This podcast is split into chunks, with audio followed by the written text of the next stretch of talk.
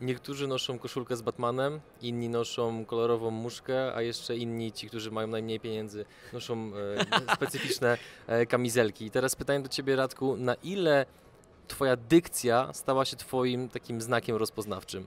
No to, to, to trudno powiedzieć, że jak, jak, jak może, no, jakby... Partnerami kanału są 3QQ, inwestycje w dochód pasywny z nieruchomości, Gonito, Twoja droga na Amazon, Paul Rentier, w końcu. Skuteczne ubezpieczenia. Oraz pracownia krawiecka Karola Włodarskiego Der Red. Sprawdźcie również opis filmu, gdzie znajdują się linki do naszych partnerów, spis treści, link do naszej grupy na Facebooku oraz gdzie można znaleźć nasz podcast. Y, ona nie jest znakiem rozpoznawczym, dlatego że są ludzie, którzy w rzeczywistości potrafią, wiesz, naprawdę wziąć książkę telefoniczną i przeżywasz ciarki na całej skórze w momencie, w którym słyszysz to, jak tam są intonowane rzeczy. Ja bardzo bym chciał, żeby gdzieś tam nawet chociaż trochę zbliżyć się do tego poziomu, ale, ale ja sam wiem, że popełniam masę błędów i powinienem pracować z korkiem i z tymi wszystkimi innymi rzeczami, więc właśnie a propos tego, co powiedziałeś, raczej staram się, żeby moim wyróżnikiem była biała koszula, a potem, żeby odwrócić uwagę od, od, od dykcji właśnie. No dobra, to idąc dalej w takim razie... Mm na ile słownictwo, którym się posługujesz, które, no umówmy się, jest czasami dość nietypowe, jeżeli chodzi o taką mowę potoczną, typu e, inklinacje, domniemam i tak dalej. To są słowa, które jakby mnie jako słuchacza, który lubi takie słownictwo, mhm. no w pewien sposób pieszczą moje uszy i się wszystko zgadza. Tylko czy e, nie obawiasz się, że na przykład u niektórych słuchaczy to może budować pewną barierę między tobą a nimi? To jest bardzo celna myśl. Mój problem zasadniczy polega na tym, że ja się nie zastanawiam nad takimi rzeczami, a powinienem. e, dlatego, że gdzieś na pewnym etapie doszedłem do takiego wniosku, że ja taki po prostu jestem. Ja jestem synem polonistki. U mnie się mówi z dość dużą starannością. I tak ja jestem, podejrzewam, sennym koszmarem mojej mamy, kiedy ona słyszy, jak ja mówię niektóre rzeczy. I, i my jesteśmy z takiego miejsca w Polsce, w którym wiele osób mówi, zrobiliśmy i podjeżdża ta, ten akcent w, nie, niewłaściwy sposób. Dlatego mm, jak chyba gdzieś na samym początkowym etapie bardzo chciałem mówić tak, jak mówili niektórzy ludzie, których ja bardzo szanowałem i dalej szanuję w tym środowisku, jak Bogusław Wołoszański i chciałem taką przywdzieć trochę maskę takiego właśnie pewnie młodego Wołoszańskiego i, i ta łatka też przedgnęła do mnie na długo, ale im dalej w las tym sobie pomyślałem, że jakiekolwiek kształtowanie tego wizerunku jest w pewien sposób oszukiwaniem, więc ja już trochę chyba wolę stracić uwagę niektórych ludzi, którzy odpadną na czymś takim, pomyślą, co za palans, dlaczego on teraz się wywyższa takimi słowami, ale ja tak po prostu mówię. Ja, ja nie, bardzo celne obserwacje poczyniłeś, dlatego że ostatnio się złapałem na tym, że do mojego dwuletniego syna powiedziałem, żeby zaimplementował odpowiedni element, jeśli chodzi o klocki, które układaliśmy razem, więc pomyślałem, ok, to już było przegięcie, ale, ale, ale starał się, żeby, żeby ten komunikat jednak niósł się przede wszystkim treścią, a nie formą. To przechodząc trochę do biznesu, patrząc z perspektywy czasu i wyciągając już pewne wnioski, co ty zrobiłeś trochę inaczej, że udało ci się na polskim YouTubie zbudować z punktu widzenia biznesowego tak mocną pozycję. I proszę nie bądź tutaj skromny, wszyscy wiemy jak jest, wszyscy wiemy, że biznesowo jesteś bardzo mocno kojarzony, jeżeli chodzi o polski YouTube i tutaj chciałbym troszeczkę, żebyśmy tak zakulisowo spojrzeli na twój mindset, na twoje strategie postępowania, bądź na hipotezy, które postawiłeś na samym początku budowania swojej marki osobistej oraz wszystkiego, co jest wokół niej w tej chwili. Okej, okay. to jest tak, że ja już chyba wielu uczestników, na przykład takich konferencji jak dzisiejsza, zanudzam tymi wszystkimi moimi tezami i, i, sposobami, bo one zazwyczaj krążą wokół tego samego pod tytułem ja bardzo dbam o to, żeby każdy komunikat, który ode mnie wychodzi, albo nawet zwłaszcza komunikat, który gdzieś jest powiązany z marką, uderzał w powody, dla którego my w ogóle powinniśmy się czymś takim zainteresować. I staram się w taki dość zboczony czasami sposób i, i taki już naprawdę ekstremalny mm, wyłączać wszystkie rzeczy, które mi w tym przeszkadzają. Czyli ja się nigdy nie skupiam na e, cechach produktu, nie skupiam się na cechach mojego programu. Bardziej skupiam się na powodach, dla którego ktoś powinien ten program obejrzeć albo powinien zainteresować się produktem, który reklamuje. I jeśli udaje mi się z marką dojść do takiego porozumienia, że w naszej komunikacji będziemy mówili o tym, a nie o czymś innym, to my zrobimy razem współpracę i będzie wszystko w porządku. Ale powód, dla którego ja rzeczywiście śmiało mogę powiedzieć, w ostatnim czasie ograniczyłem znacząco wszystkie współprace komer- komercyjne, leży w tym, że nie ze wszystkimi się to udaje. Dlatego, że jeśli wymyśliłeś jakiś super produkt, który jest na przykład właśnie mm, opowiadanym przeze mnie ekspresem do kawy, który ma niesamowite funkcje i ty jako producent jesteś niezwykle z nich dumny, to to ci trochę przesłania, przysłania całą, całą resztę. I takim bardziej... Hashtag tamping. Hashtag tamping, dokładnie. Ha, takim, wiesz, y, czysto życiowym przykładem jest to, że wiesz, my kochamy swoje dzieci. I bardzo często mówimy o tym, próbujemy się, próbujemy się tym, tym czymś po, podzielić i powiedzieć: Hej, moje dziecko jest super, dlatego że tam zaczęło mówić w wieku dwóch lat. Mój akurat syn nie zaczął mówić w wieku dwóch lat, więc nie mogę tego powiedzieć, ale, ale właśnie nie staram się go definiować przez jego cechy. I, i w momencie, w którym my mówimy o podejściu naszym do, do dzieci, to, to się na koniec okazuje, że na przykład chcemy mm, pokazać nasze dziecko i powiedzieć: Wow, zobacz, to jest moje dziecko, to jest zdjęcie mojego dziecka. I zobacz, jak on jest fajny. Tylko ja nie lubię oglądać zdjęć cudzych dzieci. I to jest, to jest ten problem, że wydaje mi się, że dzisiejszy ten marketing jest oparty mm, i w ogóle formułowanie y, komunikacji o produktach, formułowanie komunikacji o swoim własnym kanale. To są dokładnie te same zasady. To nie jest tak, że hej, ja jestem fajny, bo mam dobrą dykcję, albo też jej nie mam, albo mam świeżą koszulę, albo też je. Tylko, tylko ja się za każdym razem zastanawiam, jaki jest powód, dla którego ktoś miałby zobaczyć to zdjęcie mojego dziecka. Jeśli ja jestem w stanie uderzyć w inny ton, w rozrywkę, mm, w coś, co dla tej osoby będzie w jakiś sposób wartościowe i na przykład będzie w stanie zastosować to do własnego dziecka, jeśli, jeśli, jeśli uda mi się do czegoś takiego doprowadzić, to tylko dla mnie wtedy ten komunikat ma wartość. Czyli, czyli to jest bardzo mało oryginalnie, jestem wyznawcą filozofii Simona Sinka, od tego, żeby zaczynać od dlaczego i my często w swojej pracy i na YouTubie i w pracy w wydawnictwie kończymy tak samo na dlaczego. Mm, A tak się składa, że mamy produkty, które, które rezonują z tym powodem, e, dla którego my go zrobiliśmy i dla którego ktoś go w ogóle powinien kupić. To kopiując twój styl i posługując się wyrafinowaną polszczyzną, powiem, jak rozkminiłeś w takim razie takie podejście do marketingu, no bo to, o czym ty mówisz, to jest różnica tak duża, jak kopnięcie piłki wewnętrzną częścią stopy lub zewnętrzną. To są jakby, no okej, to jest wciąż to kopnięcie, ale zupełnie w inny sposób. Więc co był tym takim momentem przełomowym, że ty stwierdziłeś, dobra, chyba powinniśmy na to wszystko spojrzeć od innej strony. Tym bardziej, że no, jesteśmy, tak jak powiedziałeś, zalewani komunikacją skupiającą się na cechach produktów. Tak, zdecydowanie. Mało oryginalnie po raz kolejny, taką rzeczą, która zmieniła u mnie perspektywę, była porażka i błąd, który popełniłem. I ten błąd był zasadniczym problemem, y, który został zaadresowany przy okazji mojej pierwszej książki, książki Nic Bardziej Mylnego, o 50 najpopularniejszych mitach w popkulturze.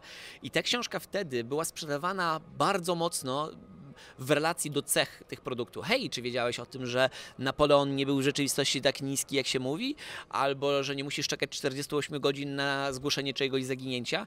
E, e, Do tej książki wrzuciliśmy super ilustrację, ja długo ją pisałem. Super, żaden z tych komunikatów nie ma, nie, nie, nie ma w sobie grama e, takiej ciekawości, która będzie decydowała i będzie takim e, głównym powodem, dla którego ktoś się na nią zdecyduje. Wszystkie rzeczy, o których ja powiedziałem, mogą wyłącznie usprawiedliwić zakup tej książki, ale one się nie przyczyniają do podjęcia decyzji o tym zakupie.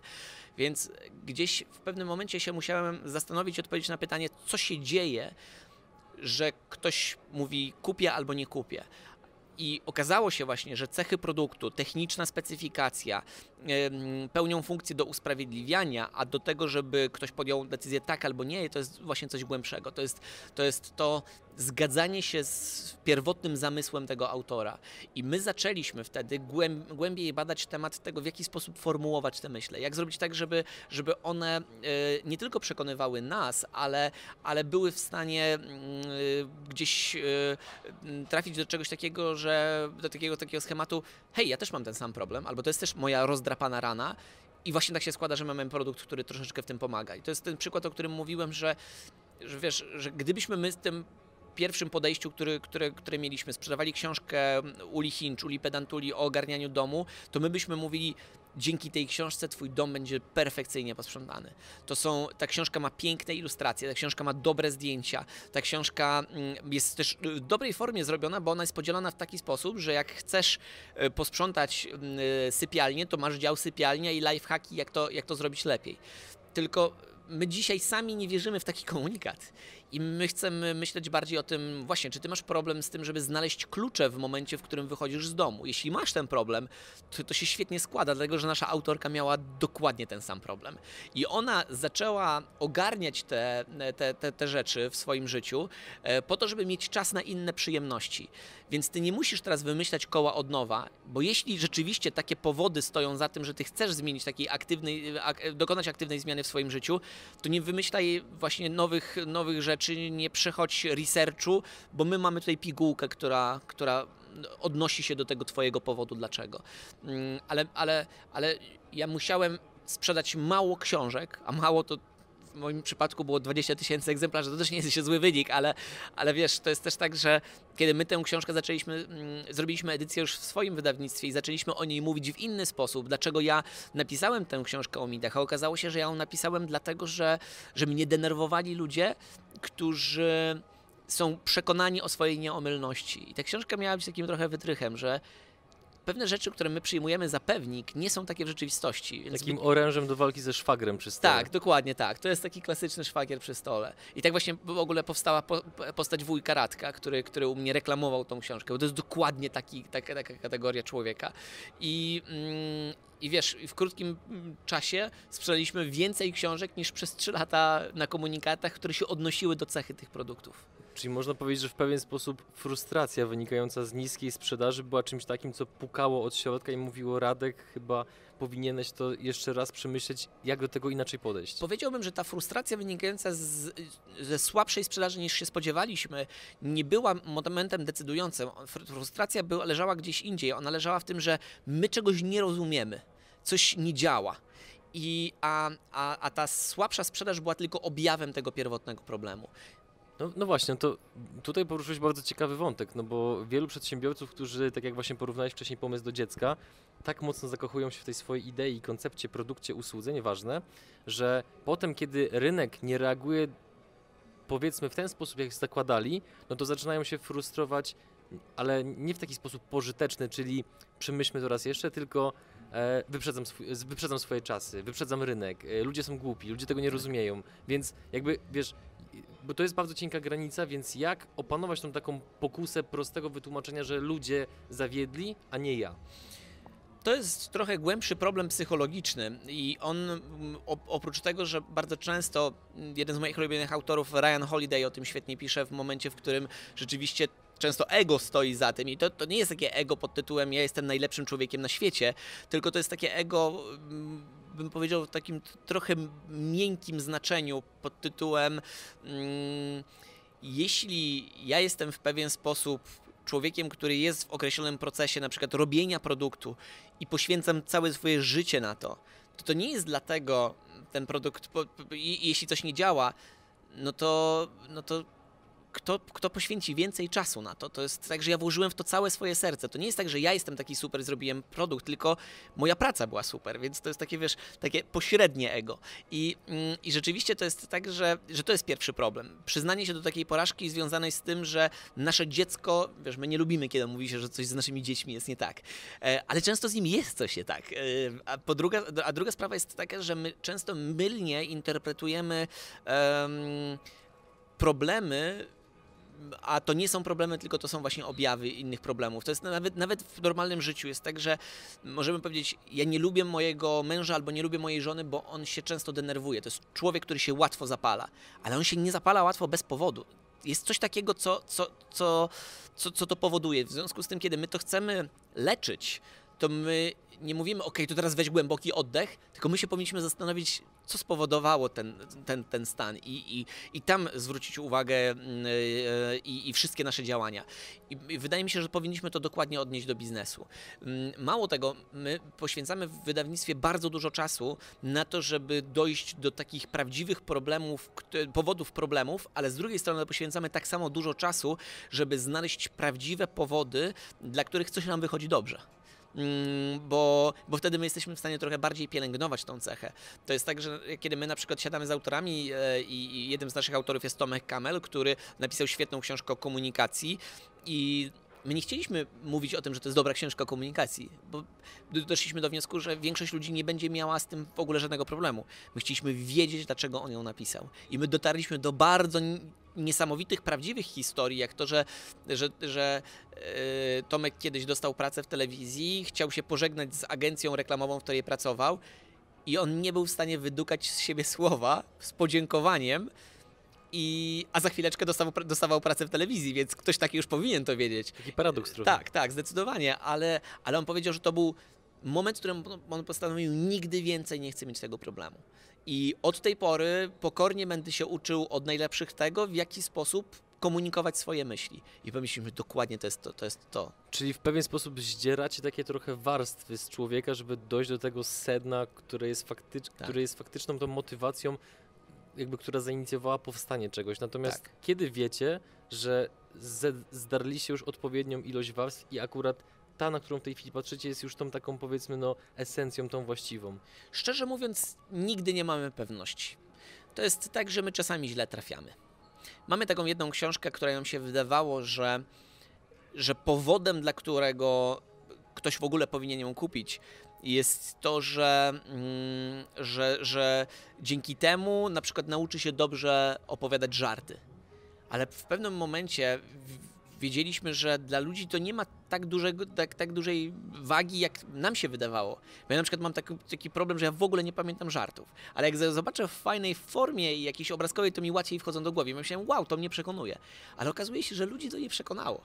Kiedy trzy tygodnie później zmieniliśmy komunikację tej książki i doszliśmy do wniosku, że tam w ogóle jest zupełnie inne dlaczego, które za tym stoi. A tym dlaczego było to, że ja używam tej książki jako narzędzie do tego, żeby podziękować e, ci, dać ci w prezencie tą książkę ze względu na to, że jest Światowy Dzień mm, e, Księgowego i ty jesteś takim księgowym, z którym mi się dobrze współpracuje, więc super. To jest taka książka, która ma w sobie dział o, o księgowych. Więc to jest taka, taka sprawa, w której możemy spojrzeć na niektóre rzeczy z przymrużeniem oka i wtedy traktujemy książkę znowu nie jako cel w sam sobie, że ona jest śmieszna i tak dalej. Nie, nie.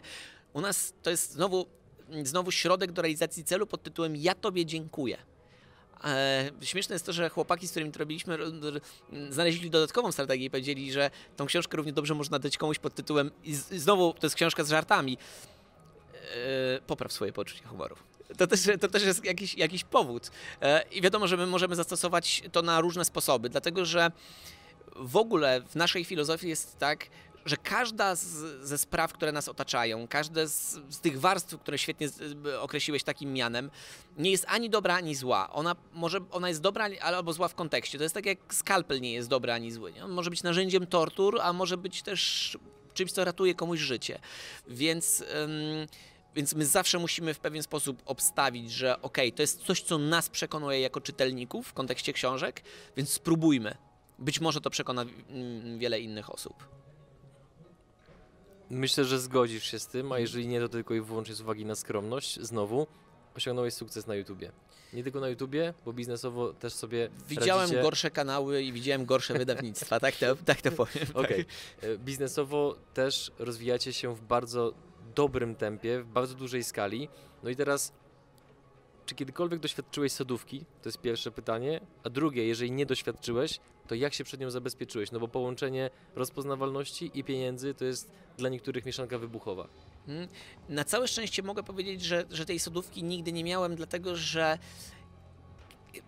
teraz zastanawiam się, jak bardzo być szczerym, ale to jest tak, że gdyby ludzie, będę nawet bardzo, gdyby osoby, które są naszymi odbiorcami, widzami, czytelnikami i tak dalej, wiedziały, że za tym wszystkim to nie jest rocket science, to być może by trochę mniej wartościowali naszą pracę, ale to jest, wiesz, najlepszym przykładem jest to, że jeśli widzisz sztuczkę magiczną na, na, na sali i on ci się bardzo podoba, jak ci ją ktoś tłumaczy, to to nie jest nic wielkiego i myślisz, okej, okay, to już nie ma takiej wartości dla mnie. To to jest dokładnie ten sam schemat. Ja wiem, że jestem magikiem, który robi to określonego rodzaju warsztatem, więc gdybym myślał, że nagle posiadłem supermoce, to rzeczywiście byłby problem, ale ja dalej wiem, że to wszystko jest etapem który, który jest w jakimś procesie i to nie jest nic niezwykłego, więc jeśli nie jest, nic, nie jest to nic niezwykłego, to ja też nie jestem niezwykłym człowiekiem, w związku z tym nie mam problemu z tym, żeby tak o sobie myśleć. Mam zazwyczaj problem odwrotny, ja zazwyczaj nie doszacowuję swojej pracy. Dzisiaj zacząłem moją prezentację o tym, że,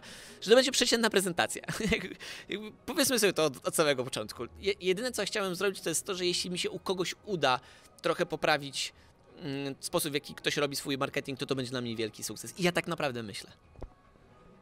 Okej, to właśnie zahaczmy troszeczkę o tą e, prezentację, bo powiedziałeś w niej, parafrazuję oczywiście, że powinno się troszeczkę odwrócić cały proces, czyli najpierw zbadać rynek i tak dalej, a niekoniecznie, że zrobić burzę mózgu, wypuścić produkt i potem mówić działowi marketingu, że ma to sprzedać. No i teraz pytanie. Mhm. Na tej sali siedzi kilkuset marketerów. Spora część z nich, zakładam, to są osoby, które są być może na początku swojej drogi i poszukują tutaj po prostu wiedzy. No i teraz, jak taki marketer, który będąc w podobnej sytuacji jak kiedyś pan Tomek Kamel, ma problem, żeby w ogóle cokolwiek powiedzieć chociażby przed zarządem, jak taki marketer ma forsować odwrócenie całego procesu, jakich argumentów użyć, żeby zostać wysłuchanym i żeby faktycznie firma pochyliła się nad tym, że okej, może tym razem zrobimy to troszeczkę inaczej, bo to wydaje mi się, że jest trudne zadanie. Tak, w ogóle dotknąłeś bardzo trudnego problemu ze względu na to, że dzisiaj dla nas tworzenie projekt, pro, pro, projektu i całego produktu w taki sposób, że ktoś go wymyśla i on od razu jest produkowany z dbałością o techniczne parametry, żeby on dobrze został zaserwowany rynkowi, a przychodzi taki właśnie młody chłystek junior account i mówi, wow, byłem na konferencji, my powinniśmy zrobić tak, że myśmy, powinniśmy najpierw zrobić badanie rynku, w jaki sposób my zakomunikujemy ten produkt, a potem dopasować stworzenie tego produktu pod to, co nam się najlepiej przebadało. Nie? Więc to jest, to, jest, to jest taka rzecz, którą, która zupełnie szczerze spotka się moim zdaniem z ogromnym niezrozumieniem w tych zastanych umysłach. To jest, to jest taki rodzaj niezrozumienia i braku skuteczności twojego komunikatu, chęci podzielenia się z tym, że przychodzi mi taki przykład do głowy, że wyobraź sobie, że mm, jesteś gdzieś w mieście i bardzo chce ci się siku i, i, i po prostu rozpaczliwie szukasz jakiejś publicznej toalety dobiegasz i widzisz tam e, cudowną świątynię prywatności pod tytułem e, jednoosobowa publiczna toaleta. E, chwytasz za klamkę i myślisz sobie, Boże, żeby ona była wolna i cudownie jest wolna, więc szczęście się mm, tutaj odbywa. Wchodzisz do, do środka i, do, i, i w pierwszej sekundzie twój mózg wie, że to jest koniec swojego szczęścia, dlatego że ktokolwiek tutaj był wcześniej, eksplodował. W sensie to jest tak, że Hiroshima i Nagasaki to były bombeczki przy tym, co, co czujesz. Więc myślisz, ok, jakby jestem tutaj dla wykonania konkretnego interesu, to jest szybkie siku, przestajesz oddychać, zamykasz oczy, żeby nie uzawiły, e, robisz co, co możesz i wypadasz jak najszybciej z tej toalety. I, I problem tylko polega na tym, że w tym momencie ktoś wchodzi do tego piekła, z którego ty przed chwileczką wyszedłeś. I teraz sytuacja, w której ty mówisz, to nie ja? Nikt nie uwierzy. To, to, jest dokładnie ten, to, to jest dokładnie to, co ty, ty, robisz w momencie, w którym jesteś przed zarządem, przed y, prezesem firmy i mówisz komuś o odwróceniu procesu marketingu. To jest dokładnie ten sam poziom tego Absurdu. tak, i, i, to jest, i to jest taka rzecz, w której ja mam o tym pełną świadomość, dlatego łatwo się to implementuje w momencie, w którym market, jesteś marketerem swojego własnego produktu. To, to jest do zrobienia. Natomiast, co jest bardzo ciekawe, pomimo tego, że tak jak tym, być może, przepraszam, obrazowym przykładem pokazałem, że to nie jest proste, żeby to komuś wytłumaczyć, to, to tutaj trzeba mieć też na uwadze, że to też w pewien sposób jest konieczność. I, I jak ja patrzę na teoretyków i praktyków e, marketingu w Stanach Zjednoczonych czy w Europie Zachodniej, to tam się już to dzieje. E, tam są już specjalne departamenty, które są bardzo często e, zgromadzone wokół silnego badania rynku, badania grupami fokusowymi. Nawet dzisiaj się w ten sposób eksperymentuje, że ty robisz reklamy na Facebooku produktu, który jeszcze nie istnieje i sprawdzasz, w jaki sposób ta reklama się klika. Są na to narzędzia. I cały ogarnięty, nowoczesny marketing, który jest praktykowany gdzie indziej, już idzie w, w tę stronę. Więc po prostu pojawia się pytanie, kiedy my do tego do, dołączymy. To nie jest za, za, bardzo pytanie, czy my do tego dołączymy, tylko kiedy.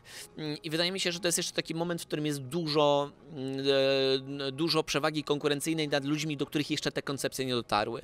To ostatnie pytanie na koniec, nawiązując do wcześniejszego pytania. Powiedziałeś o sobie, że jesteś w pewien sposób magikiem E, I to jest bardzo ciekawe, bo akurat my, no, bazując na naszym skromnym doświadczeniu ponad 60 wywiadów z Mhm. przedsiębiorcami, którzy odnieśli mniejszy lub większy sukces, zauważamy bardzo podobne mechanizmy, że ten przedsiębiorca dos dostrzegł pewne rzeczy, zaimplementował je do siebie, no i po prostu jakby stara się je eksploatować na maksa, niekoniecznie jakby zdradzając powiedzmy wszystkie elementy swojego warsztatu, no bo to jednak jest jego powiedzmy wypracowany know-how latami. Natomiast czy ty mógłbyś się podzielić jakimkolwiek takim elementem albo nawet elemencikiem, jakby który umożliwia ci właśnie bycie tym magikiem, który robi w pewien sposób dla publiki trudne rzeczy, które dla ciebie, no z racji już posiadanego doświadczenia, kompetencji są proste.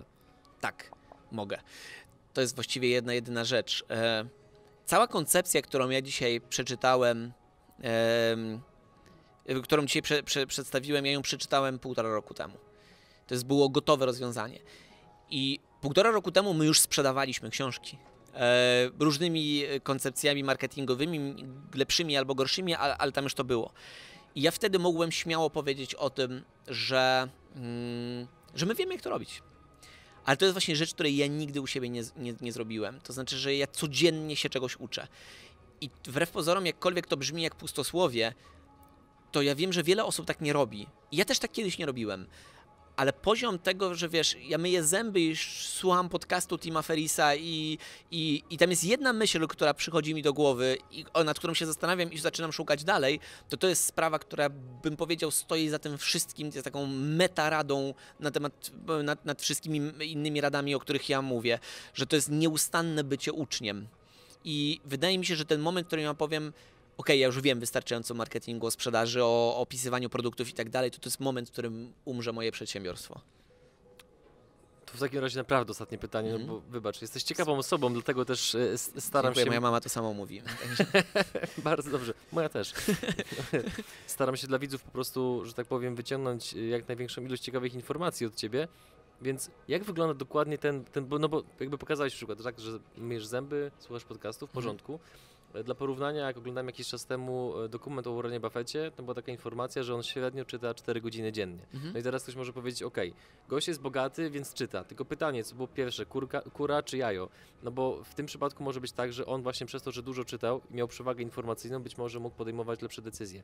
Więc jak to wygląda u Ciebie, właśnie ta, ta nauka? Czy to jest jakieś takie są powiedzmy sztywne ramy od do, rano, wieczorem, czy w jakichś określonych sytuacjach, typu jazda samochodem, mycie zębów i tak dalej. Interesują mnie takie technikalia, które ktoś może powiedzmy bardzo łatwo zrobić, wiesz, Ctrl-C, Ctrl-V, wziąć od ciebie i wkleić do siebie. Tak, przede wszystkim trzeba mieć świadomość, że to też nie jest taka rzecz, którą ja też miałem u siebie zawsze, dlatego że ja prowadzę kanał na YouTubie od 7 lat. I po siedmiu latach doszedłem do wniosku, że ja się nauczę tego robić.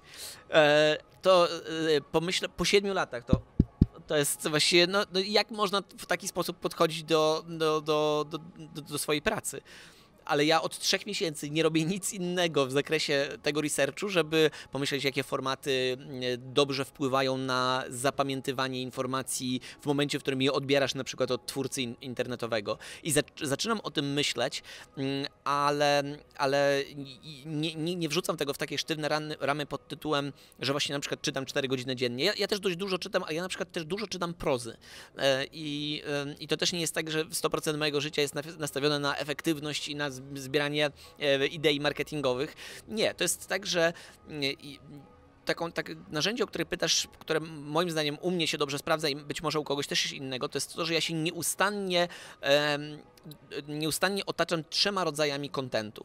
Pierwszy to jest taki właśnie typowo marketingowy, typowo narzędziowy, czyli wiesz, to jest Ryan Holiday, Timothy Ferris, James Altucher, tego typu wielkie nazwiska, Simon Sinek przede wszystkim, czy właśnie Seth Godin, o którym dzisiaj mówiłem, to to są tacy specjaliści, którym ufam, dlatego że oni ten research znowu robią za mnie.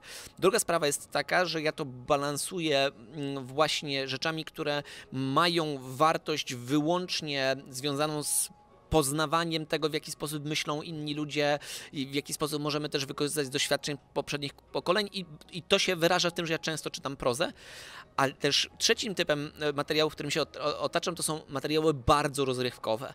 To są materiały typu John Oliver, to jest Conan O'Brien, dlatego że ja z nich staram się wyciągnąć to, w jaki sposób oni podają te informacje, które zdobyli gdzie indziej. I to jest dla mnie rzecz, która u mnie się sprawdza. I wydaje mi się, że dla każdej branży da się to zdefiniować. Mm, Nie zamykanie się w, jednym, w jednej rzeczy, bo też trochę można zwariować i w pewnym czasie się to robi, robi, robi słabe. I, I wiesz, ja też mam jakieś określone reguły, że na przykład rano słucham takich rzeczy albo, albo eksponuję się na rzeczy, które są, dają mi typowe narzędzia, ale im dalej dzień mija, tym je łagodzę.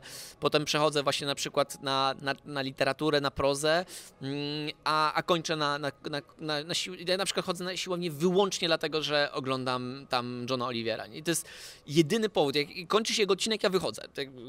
To, to, to jest, I to jest jedyny powód, dla którego naprawdę tam jestem i, i działa. I wydaje mi się, że każdy jest w stanie znaleźć podobne rzeczy e, u siebie, i, mm, ale, ale one wszystkie gdzieś są wokół tego mianownika, że nie ma takiego dnia, w którym się nie, nie, nie, dowiadujesz informacji. To oczywiście nie znaczy, że ty ją zastosujesz w praktyce, mm, bo to też trudno wpaść w taką pułapkę i też wielu autorów przed tym przestrzega, żeby nieustannie gromadzić wiedzę po to, żeby ją kiedyś wykorzystać. Nie, nie, to jest tak, że wiesz, ja przez 7 lat robiłem kanał na YouTubie nie mając pojęcia jak się to robi. E, jakimś dziwnym trafem i szczęściem się to udało, że to ktoś w miarę ogląda. Mm, Ale, ale mm, i, i ze względu na to też wracając do twojego pytania, nie sądzę, że to, to było też tak, tak, że Warren Buffett zaczął, wiesz, bardzo dużo czytać. Nie, nie, on wie i ja też wiem o tym, że my nie jesteśmy w stanie przetrwać później e, bez, bez zmiany, a jedyną stałą we wszechświecie jest zmienna, więc tutaj z tym nie można dyskutować. Bardzo dziękuję Ci za rozmowę. Dziękuję.